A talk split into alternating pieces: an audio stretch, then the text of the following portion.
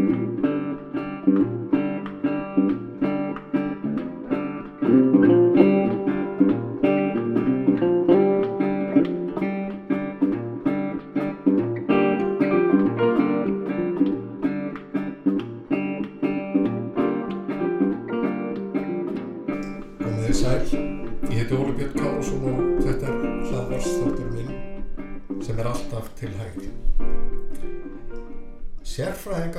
OSCD segja að Íslands stjórnvöld hafi brúðist jafnarlega við efnaðarslegum afleðingum koronaveirunar en um leið beitt sveigjarleika í aðgerðum. Þá hefði þegar verið mörgu stefna til að tryggja sjálfbærni ríkisfjármóla til lengri tíma að loknum faraldurinn. Í nýlegri skýslu og setja um Íslands efnaðarslíf sem var kynnt fyrir nokkrum vikum segir að þrátt verið þungt högg af völdum koronavirunar hafi aðgerið jæmt á sviði ríkisfjármála og peningamála verið árangusríkar. Íslands efnaðarslíf á góðum vegi til efnaðarsleira endurhausnar eftir kreppuna fyrst og fremst vegna efnaðarsúrræða stjórnvalda. OECD telur að hagvestur getur orðið meiri hér á Íslandi á næstunni en áður hefur verið reiknað með 2,2% á þessu ári og 4,7% á því næsta og ekki verður séð að nýlegar sótvarnar aðgerðir sem stjórnartöldu sem meðbúna til að grípa til ógni þessum árangri. En það má hins vegar lítið út að bera. Ég hef haldið því fram í aðdraganda kostninga að þessi skýsla og séti sé ágætt veganasti fyrir ríkistjórnarflokkana en skýslan er hins vegar annað og meira en yfirlit eða einhvernöggjöf fyrir það hvernig staðið hefur verið að verki í glímunni við efnaðarslega erfuleika með árangus ríkum hætti og það meira sé betri hætti en flestar aðra þjóður. Skýslan varpar nefnilega ljósi á þá gríðarlegu möguleika sem við Íslendingar eigum til að sækja fram og bæta lífskjör og lífsgæði allra en meira á komandi ára. En það eru kerfislegir þættir sem komi í veg fyrir að við getum gripið öll tækifærin og búið önnur til. Og setja bendar á eins ákalla, samkeppnishindranir og áskoranir sem við þurfum að takast á við á komandi árum. Auðvita er sumt að því sem bendir á ekki óumdelt fremur en annað, en flest er sett fram af yfirvegun og með góðum raukstuðningi. Þeir sem sækjast eftir kjöru í alþingiskostningum í september næstkomandi gerði því margt vittlausara en að fara vandlega yfir skýsluna sem er ekki nema rétt liðlega 100 blaðsýður að meðtöldum sérstaklega kabla um lofslagsmál. Einn helsta áskorunin sem við Íslandingar þurfum að takast á við er að auka framleiðni á öllum sviðum, jafn í ofinbæra geranum sem og í aturlífinu öllum. Strangar reglugerður kæfa samkjörni. Hindranir fyrir nýja innlenda eða erlenda aðila inn á markað eru miklar og það kemur vekk fyrir samkjörni. Þung stjórnsýslubyrði og umfánsmiklar og oft floknar leifisveitingar og leifiskerfi virka sem vörn fyrir þá sem eru fyrir á fleti en draga úr frumkvöðlum og gera sprótafyrirtækjum erfitt fyrir. En Íslands samfélag stendur í flestu á tröstum grunni tótt ímislegt þurfa að lakfara.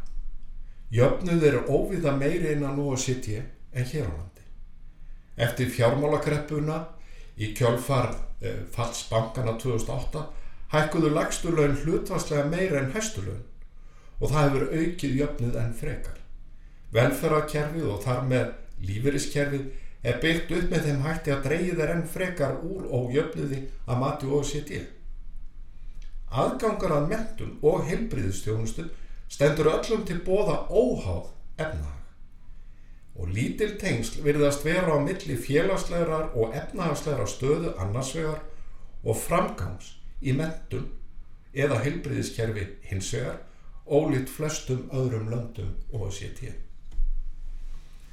Umbætur á skattkerfinu síðust ár hafa verið skinsamar að mati OECD og við getum deilt um það Þær hafi ítt undir nýsköpun og þróun og létt skattbyrði og tekjul á heimili. Um það verður ekki deilt. Jaðarskatta séu hins vegar enn og miklir hjá einstaklingum. bendur á að háir jaðarskattar getur unnið gegn auknu jafnbretti á vinnumarkaði.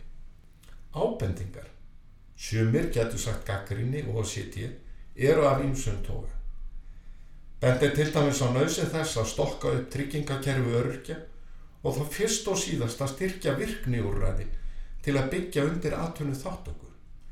Leggja þar enn meiri rætt við rafræna ofinbæra stjórnsýslu en þar eru við Íslendingar eftirbáta margara landa en gætum verið fremstir. Áallunum átak í þessum efnum liggur þegar fyrir og er í raunni hafið. Meiri rætt þarf að setja í uppbyggingu lítilla sprót og nýsköpuna fyrirtækja. Beina ofinbærum sjóðum sem sitja á áhættu fjármagni í auknum mæli í samstarf við engasjóði sem hafa meiri getu og þekkingu til að styðja fyrirtæki. En framtíðin byggist á mentun og gæðum hennar. Skipulag mentakerfisins verður að vera með þeim hætti að hægt sé að mæta sí breytilegum þörfum samfélagsins. Og þar er pottur brotin að mati og síti sem bendir á að gæði mentunar í grunn- og farmáskólum hafi minkað á síðust árum. Þá sé kennurum ekki umbunað í samræmi við reynslu og framistöðu. Mentu þeirra virðist ekki hafa fyllt kröfum nýra tíma. Háskólamentun veldur ójafvægi á vinnumarkaði þar sem tengsmilli skól og atvinnlífs eru veik. Fjármögnunamótel háskóla hefur leitt til þess að skólanir einbyrða sér fremur að því að innrita sem flesta nefndu í staðis að tryggja gæði náms og framistöðu nefnda. Og starfsmentun fær enn og aftur fallengun hjá OECD og hún er sögð van þróð. Hlutvarslega færri sæki sér slíka mentun hér á landi en í nokkru öðru Evrópuríki. Námið takmarkast við hefbundar tæknu og handverksstjettir. Skólabundið og starfsná sé illa samþætt og nefnundur standi fáar leiðir til háskólunáms til bóða. Í sjálfu sér eru fæstar ábendingar OECD nýjar. Við höfum lengi vitað eða haft nokkra hugmyndum hver verkefnin eru á komandi árum. Þekkjum flesta brotnu potana. Að einhverju leiti skorti pólitískan vilja eða kannski kjark til að hefjast handa við að lagfæra það sem viðurfer. Að einhverju leiti er ástæðan djúbstæð anstaða við að einfalda regluverk atvinnulífsins og þætta betur saman mentun og þarfir atvinnulífsins. Svo anstaða á sér annars vegar rætur í andúð á atvinnulífinu og hins vegar litlum skilningi á því hvernig verðmætasköpun á sér stað. Verðmætasköpun sem stendur undir samfélagi velferðar. Niðurstaða kostningana í september ræður mestu um hvort mögulegt verður að brjótast út úr pólitískri sjálfheldu sem hefur hindrað árangusuríka uppstokkun í regluverki aðtunlífsins og leggja styrkar í grunn undir aukna velsælt. Þegar þessi orð eru töluð er kostningabaratan ekki formlega hafinn en þungin mun aukast eftir því sem er drefur kjördegi. Og á þenn dögum sem eru til kostninga verða mörg lofur gefin, flest um aukin ríkisútgjöld vennju samkvæmt. Fæstir munu velta fyrir sér þeim ábendingu sem OECD hefur sett fram, ábendingar sem margar hverjar eru skinsamlegur og ættu skilið umræðu í aðdraganda kostningu og jafnvel þær ábendingar sem umdeilanlegar eru. Þótt stjórnmálaflokkar þeir eigi eftir að leggja flest spil á borðið ættu kjósendur hins var að geta gett sér þokkalega grein fyrir því við hverjum að búast. Það liggur til dæmis fyrir að samfélkingin og píratar lofa eiga ekki samstarf við sjálfstæðisblokkin í ríkistjórn. Draumurinn er ríkistjórn á grunni svo kallas Reykjavíkumótils vinstirflokkana sem viðreist gerði mögulegt að smíða eftir síðustu sveitastjórnarkostningar. Eftir síðustu alþingiskostningar komu fórustumenn samfélkingar, pírat og viðröstnar sama til fundar til að kanna grundvölda samstarfi flokkana í ríkistjórn eða stjórnaranstöðu ef svo bær undir. Formaður samfélkingarinnar fullirt í fjölmiðum að á fundi þrýflokksins væru saman komin eins og hann kallaði það frjálslindu öflin í íslenskum stjórnmálum. Merkimiða pólitík er þrýflokknum eðlislega. Og ekki er við öðru að búast en að þrýflokkurinn, píratar samfélking viðrist komið sama til fundar fyrir og eftir komandi kostningar til að leggja draug að ríkistjórn vinstirflokka. Gangi draumur þrýflokksins um ríkistjórn eftir má ganga út frá því að skattar og álugur á launafólk og fyrirtæki hækki, ríkisútgjöld og skuldir ríkisins aukist, atvinnuvega fjárfesting drægis saman og ríkisregsturinn verði óhagkvæmari og þjónustan verri. Þetta er ekki uppskrift að fjölbreyttara samfélagi eða bættum lífskjörum. Og það verður alið á ótta fólks til að réttlæta aðgerðir sem skerða borgarleg réttindi. Þegar kólefnisgjöld voru hækkuð um 50% í fjárlugum 2018 var það í huga þessara frjálslindu þingmanna, sérstaklega samfélkingarinnar eftirgjöf þar sem þau hefðu ekki verið hækkuð um 100%. Ríkistjórnin væri með því að afsala sér tekjum með því að íta á einn taka.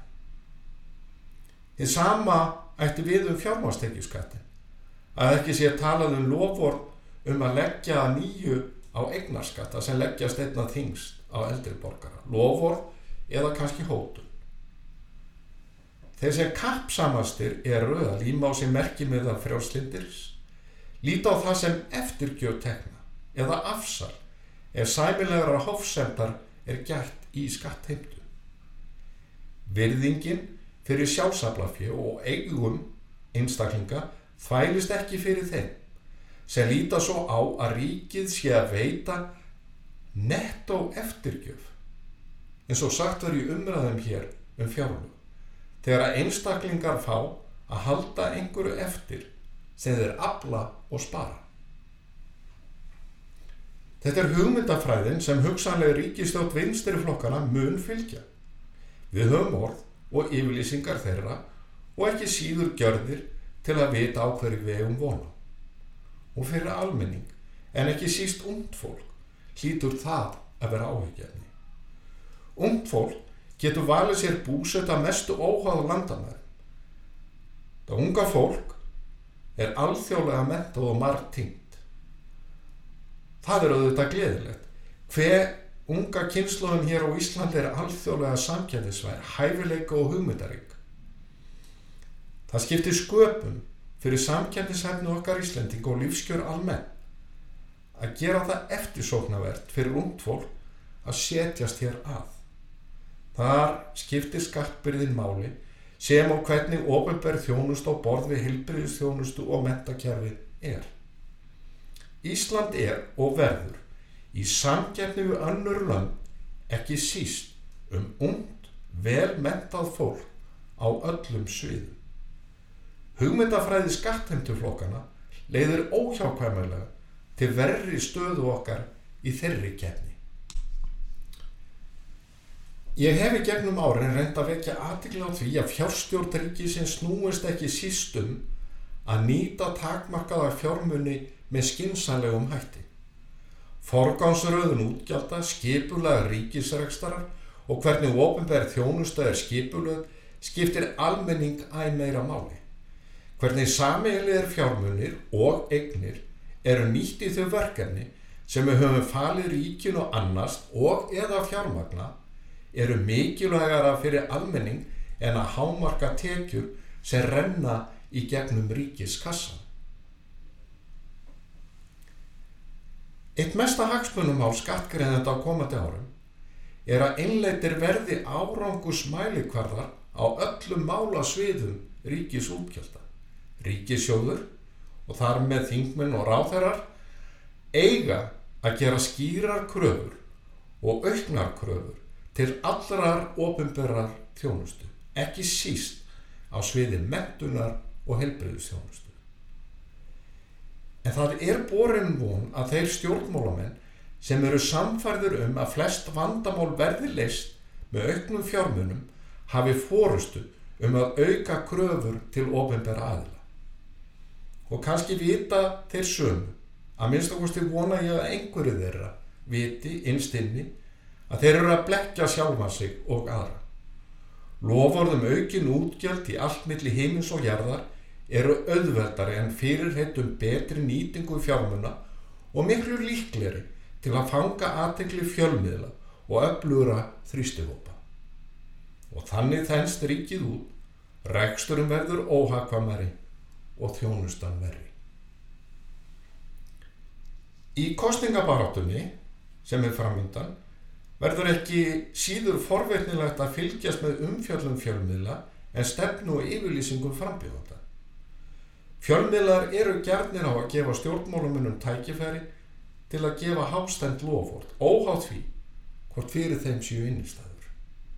Sér lofvorðið herri útgjöld, herri skattar og aukin um sem ríkisins fær stjórnmálamæðurum greiðan aðgang af fjölmiðlum og getur þokkalega áhyggjulus gefið út stórar yfirlýsingar á þess að eiga von á gaggrinnum spurningum. Þessu er hins vegar öfutfarir hjá þeim sem best fyrir lækkun skatta og skinsanlegri nýtingu sameigilegra fjármuna. Hann er krafinn svara við því hvernig hann ætla að fjármagna lækkun skatta. Það verðist flestum fjölmiðlungum í blóðbórið að tortrykja fremur þá sem telja skynsalegt að geta hofsendar í álugum en þá sem líti á það sem afsal ríkisins á tekjum að létta byrðar launafólks og fyrirtækja. Hættan er svo að þetta viðhorf verði ríkjand á komandi árum eftir því sem fjölmiðlar verða háðari ríkisvaldunum fjáráslega með ofinberum fjárstuðningi. Þetta á einni við um starfsemi stjórnmálaflokkana. Ríkisvæðing þeirra á eftir að enda með ósköpum. En uppbóðsmarkaðu stjórnmálana verður að vísu í staðin hugsanlega líflegri en allt á kostnað skattgreðenda. Kanski er ekki óðægilegt að kostningabaróttan litist að koronaveiru faraldurinn. Svo mjög hefur hann sett mark sitt á all líf okkar bæði efnagarslega en ekki síður félagslega. Og það var ekki öðru að búast en að ákverðun ríkistjórnarinnar í síðasta mánuðum að grýpa aftur inn í daglegt líf okkar og skerða aðtarnafrelsi vegna óhagstara þróunar veirunar yrði umdelt og nú hafa þessar aðgerður verið framlendar. Ákverðun um að innlega nýju fjöldatakmarkanir, grímuskyldu, nálaðarmörk og takmarkun afgröðslu tíma skemmtistada er og má aldrei vera léttveg. En með henni var ljóst að ekki er hægt að standa við fyrirheit stjórnvalda um að daglegt líf innanlands er þið eðlilegt þegar að stæsti hluti þjóðarinnar hefði verið bólusettur. Og það hefur ekki aðeins í förmið sér efnagarslega kostna, heldur ekki síður neikvað félagsteg og sálræn áhrif á okkur öll. En síðustu daga hefur dáltill nýr tótt einkjent málflutning fórustumanna ríkistjórnarinnar. Í samtali við morgumblæði 9. ágúst saði Katrin Jakobsdóttir fósættir sér á þeirra orðurinn. Tölurnar, það er að segja smittölurnar, þýða ekki það sama og er gerði í mars 2020 og verði ekki tólkaðar eins en það breytt hlutvall af alvarlegum veikindum. Og nöðsynlegt sé saði fósættisar á þeirra endur með það sem áður hefur verið gert í sótvarnar aðgerðum en það sé ekki víst að sömu aðgerðir virki nú og gerðu þegar að landsmenn voru óbólusettir með öllu. Horfa þurfi til þess hvaða vend bólusetning veiti fyrir veikindunum. Það hljóti að kalla á nýja nálgun. Og við býðum eftir þeirri nýju nálgun. Í frjálsu samfélagi er sérstaklega mikilvægt að stjórnvöld á hverjum tíma virði grunn réttindi borgarana og starfi inn að þeirra valdmarka sem þeim eru mörguð. Geti borgarannir ekki treyst að þessi regla sé virt, brestur samfélagið. Hitt er rétt að í varnarbaratu gegn hættulegu vágesti ber stjórnvöldum að grípa til aðgerða til að verja borgarana. Sú varnarbarata verður ekki háð á þess að virða stjórnaskar á bundir rétt einstaklinga og gæta meðalhófs í öllum aðgerðum. En því miður á þetta sjónarmið undir högga sækja hér á landi líkt og víða í hennum frelsa heimi. Ég hef áður gert það umtalsetni, jæmt, hér í hlaðvarpinu, sem og í greinum, í morgumblaðinu og í ræðum, að í nöðsynleiri baróttu við skæða veiru höfum við flest, ef ekki öll, verið fús til að færa fórnir. Reyðubúin til að sætt okkur við skert aðdamnafrelsi og skert lífskæði í ákveðin tíma. Við viljum sína árverkni en ætlum okkur ekki að fórna samskiptu við vini og fjölskyldu eða glata möguleikanum að eignast nýja vini. Fyrir nokkur vikur sagði ég hér í hlaðvarpinu að okkur sé nöðsynlegt að eiga aðganga kryttilífsins, listum og menningu, lífandi tónlist, leikúsi, myndlist, uppleistri, augrandi, skalda og svo framvegis. Við viljum koma saman á vellinum og hvetja okkar karla og konur áfram í hörðum leik. Stiðja við bakið á börnunum okkar á vel skipulöðum íþróttumótum. Við viljum hitta vini á góðum veitingastað, fagna með þeim og indislegum brúðkaupstegi, halda gladan dag og ammalistegi, gleðjast á fjölskylduháttuðum og að leiðalokum hveðja og þakka fyrir dýrmæta samfélg. Við lítum á það sem helgan rétt að ferðast, fá að sjá nýja staði, kynnast mannlíf í öðrum landslutum, í öðrum löndum og öðrum heimsálum. Við eigum stjórnaskar á varin rétt til að koma saman og stunda viðskipti krafti aðtapnafrelsis en það frjálsir borgaráls. Eitt er að verja borgaralegu réttindu okkar allra og annað að átta sig á því hver mikil og afdreifarík efnahagsleg áhrif er á því að skerða aðtapna og félagslegt frensi einstaklinga. Þeir sem ala mest á óttanum vilja lítið ræða um þetta, jáfnveg þótt augljósi að til lengri tíma molnar undan stóðum velferðarsamfélagsins og lífskjörum almennt. En hitt er augljóst og það höfum við séð á síðustu mánuðum og misserum að þólgæði, útald og kjarkur einstaklingana verður seint kjafður. Jável óvissan og síbreytilega reglur ná ekki að drepa frumkvæði einstaklingana sem betur fer. Með aðtapnaþrá og bjart síni er verið að leggja hortsteina bættara lífskjara um all land.